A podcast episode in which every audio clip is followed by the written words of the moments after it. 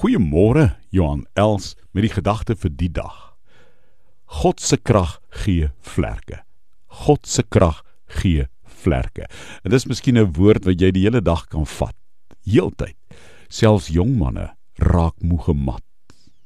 Selfs manne in hulle struikel, in hulle vleur struikel en val.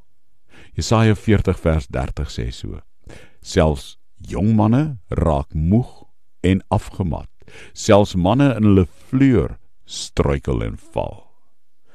Deur waar hierdie geskryf is in die woestyn was God by die Jode waar hy vir hulle manna voorsien het, nuut en vars, hè?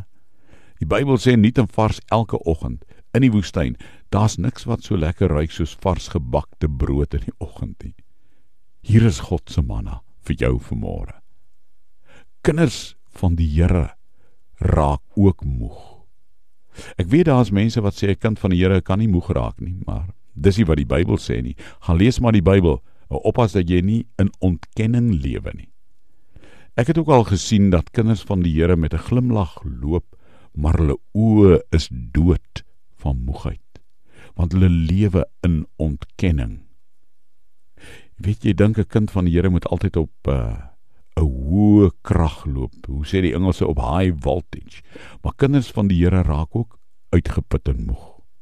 Christene Ons lewe op die belofte van God se woord wat sê God self spesialiseer daarin om nuwe krag uit te deel. Die Here gee ons nuwe krag. Maak nie saak waar deur ons gaan nie. God se krag verander moe arms in arensvlerke. So sê God deur sy woord. God se krag laat ons hoog bo die uitdagings van die alledaagse lewe uitsweef.